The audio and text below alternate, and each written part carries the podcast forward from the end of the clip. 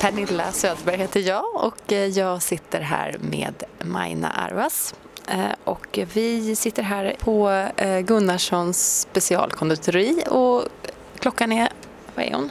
Hon är åtta? Tror jag, åtta, eller ja, fem är väl kanske. Mm. Och ja, Maina, vad är det vi gör här? Vi eh, spelar in ett program med eh, oss själva och den kör som vi är med i som heter The Swept Away. Och vi träffar en i taget av alla våra kördamer. Och så får de välja tre frågor som, som de ska svara på. Men eh, varför gör vi det här? Det börjar med att du och jag brukar ses här ibland Mm, på morgonen Mm. på väg till jobbet och man hinner riva av några korta viktiga grejer i livet innan man ska börja jobba. Så då tänkte vi att vi utökar det här till, eh, till att omfatta vår kör som ju ändå tar så mycket av vår tankeverksamhet. Så vi vill prata med dem en och en. Vi träffas ju alltid i grupp också. Och eh, idag så ska vi träffa Malin Salstedt. Ja, vi ska träffa Malin. Vad tänker du på då? Alltså jag tänker nog på att hon cyklar mycket. Jag tror att hon cyklar mycket i alla fall. Nej, jag, jag tror att hon eh, cyklar som transport. Alltså hon är sportig också men eh, hon, hon cyklar liksom för att ta sig fram. Och det gillar jag på något sätt. Det är det första jag tänker på. Och sen tänker jag på att jag är också väldigt nyfiken på hennes jobb egentligen. Det kommer vi nog inte få reda på någonting om nu. Men Det får du ta någon annan gång. det blir en annan gång. Nu kommer Malin. Varsågod och sätt dig ner. Du har fått ett papper här framför dig med en massa frågor. Och vi vill att du ska välja ut tre stycken. Börja med den första. Vilken vill du svara på? Ja, men jag tar nog gärna den där till att börja med. Vad betyder The Swept Aways för dig? Men eh, jag tänker att eh, The Swept Aways har betytt eh, olika saker under olika perioder. Lite så här att det har varierat lite med tid och rum. Ehm, vi har ju hållit på ganska länge, eller väldigt länge faktiskt. Tio år, mer tror jag. Det, ja, någonstans där i alla fall.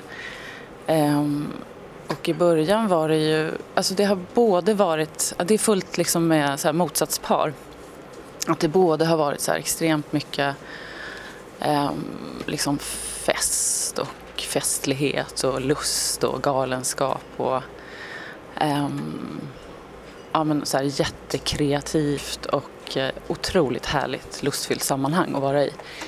Eh, men att det också har varit extremt mycket vardag faktiskt. Eh, och det, det kanske också, liksom också hänger ihop lite med hur ens liv har varit under de här perioderna. När vi började var ju många ehm, ja, lite friare liksom, i sina liv. Det var inte så mycket barn och inte kanske så mycket jobb och ja, relationer och ja, vad det nu är liksom, som gör att man känner sig mer begränsad nu. Eller jag känner mig mer begränsad nu. Liksom.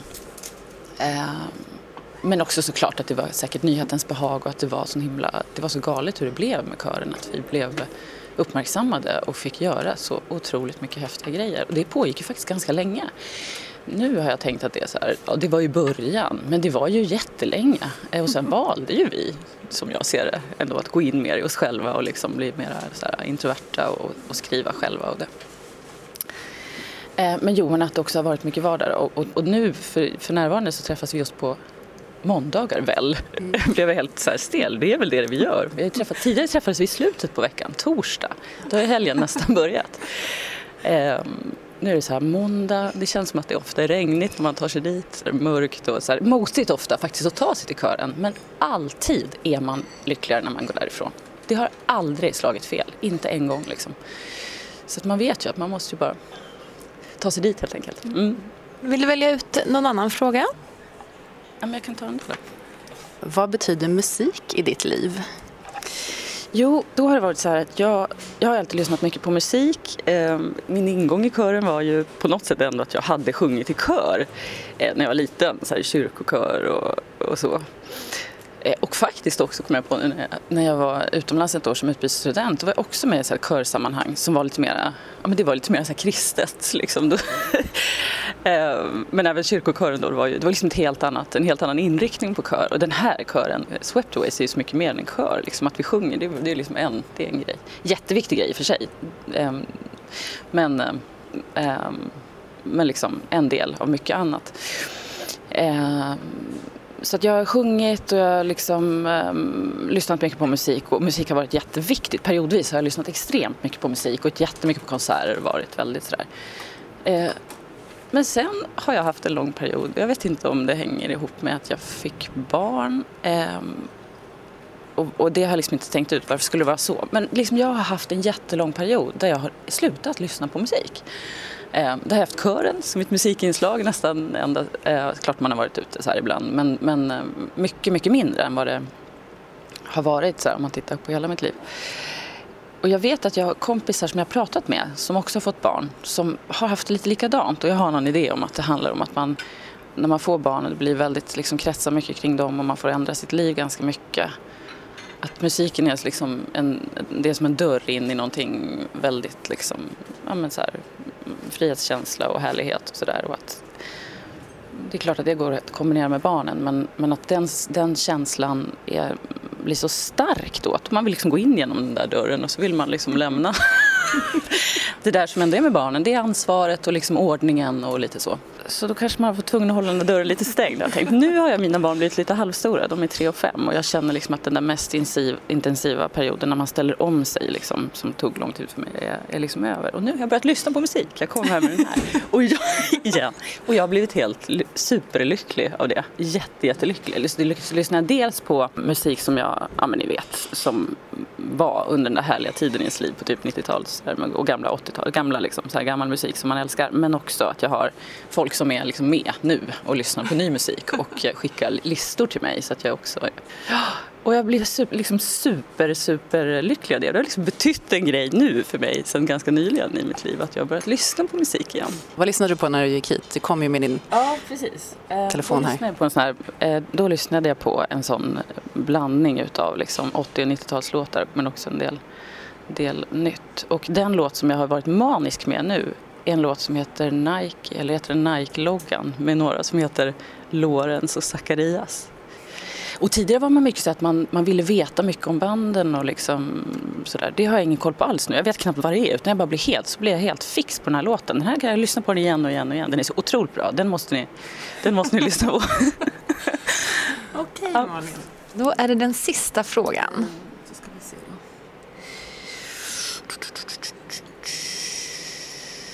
Det är många spännande frågor här. Um, ja, men ska jag ta den där då?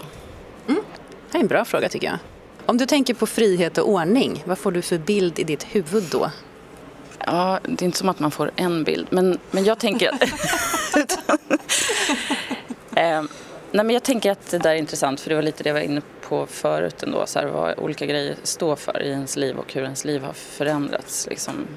Ja, men det har varit en jättetydlig liksom, förändring under den här tiden, tror jag, för många av oss som är i kören, under den tiden. Liksom. Det har varit en period när folk har liksom, ja, gått från ett friare eh, liv till ett mer ordnat liv. Eventuellt. För vissa kanske var det tvärtom när jag tänker efter. Men, det är liksom, ja, men för mig har det, har hängt ihop jättemycket med att jag har fått barn och liksom ett fast förhållande. Och, liksom, eh, och det har varit jättebra för mig. Och jag är verkligen extrem ordning och reda person. Extremt. Jag är superpedantisk och liksom så.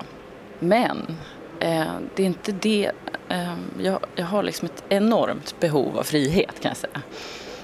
Ehm, en bild som jag får när jag läser ordet frihet där på lappen är ju um, cykling. cykling är frihet för mig eh, och stora, stora vidder och liksom öpp, öppna, ehm, öppet hav kanske, sådana saker. Eh, och man har ju fått klart begränsad frihet sen man fick barn. Och som jag sa tidigare då har den också blivit ännu mer värdefull då. Ett sätt för mig att känna frihet varje dag är att cykla i Stockholms innerstad. kan jag också rekommendera. Otroligt härligt. Gärna med musik. Och lyssna, lyssna på, på den låten. lyssna på Nike-loggan. Mm. Fantastiskt. Ja. Särskilt eftersom vi inledde med innan du kom att prata om din cykling. Gjorde ni det? Ja, så nu fick vi svar utan att ställa frågan. Vad härligt. Ja, men det var kul att höra. Tack för att du var med, Malin. Tack för att jag fick vara med. Det var väldigt kul.